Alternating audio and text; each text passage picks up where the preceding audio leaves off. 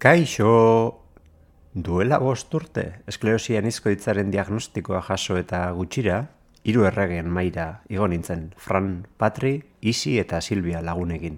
Mugarri txiki bat izan zen nire errekuperazioan. Nire buruari ona ere heldua ez, esatia, lorpentso bat gehiago. Gurpildu naulkian bere ala ez nuela amaituko, sinisteko pauso bat gehiago. Horregatik esan nion Frani, bera hemen nahi nuela egotea, lagunaien ordezkari. Atzoko erritmoa eta baldintzak ikusita, etapa moldatzea erabaki dugu. Belaguatik hasi beharrean, lintzatik egitea. Sei bat kilometro gutxiago, bi hiru ordu laburragoa. Ah, eskerretara. Krampoiak soinean eta raketak motxilan ditugula igo gara mendian gora Fernando eta biok. Fran, Peio eta Iñaki eskiekin. Iñakik buelta eman behar izan du, nire nesken txofer lana egin behar zuelako hemendik ere nire eskerro nainekiri. Bera barik asko zaiago izango zen bidaia hau egitea. Beraz, laurok jarraitu dugu tontorraren bila.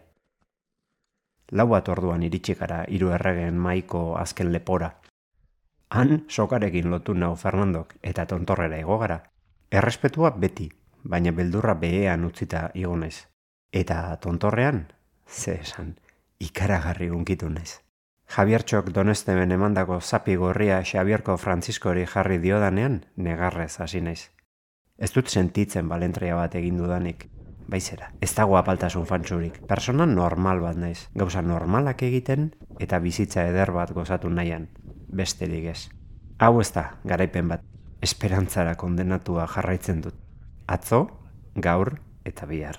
Ez dakit gaitzak aurrera egingo ote duen, baina onaino ere iritsi naiz onaino ere iritsi gara. Aio, bidean topatuko gara, irribarra batekin, aldela. Besarka da haundi eta estu bat.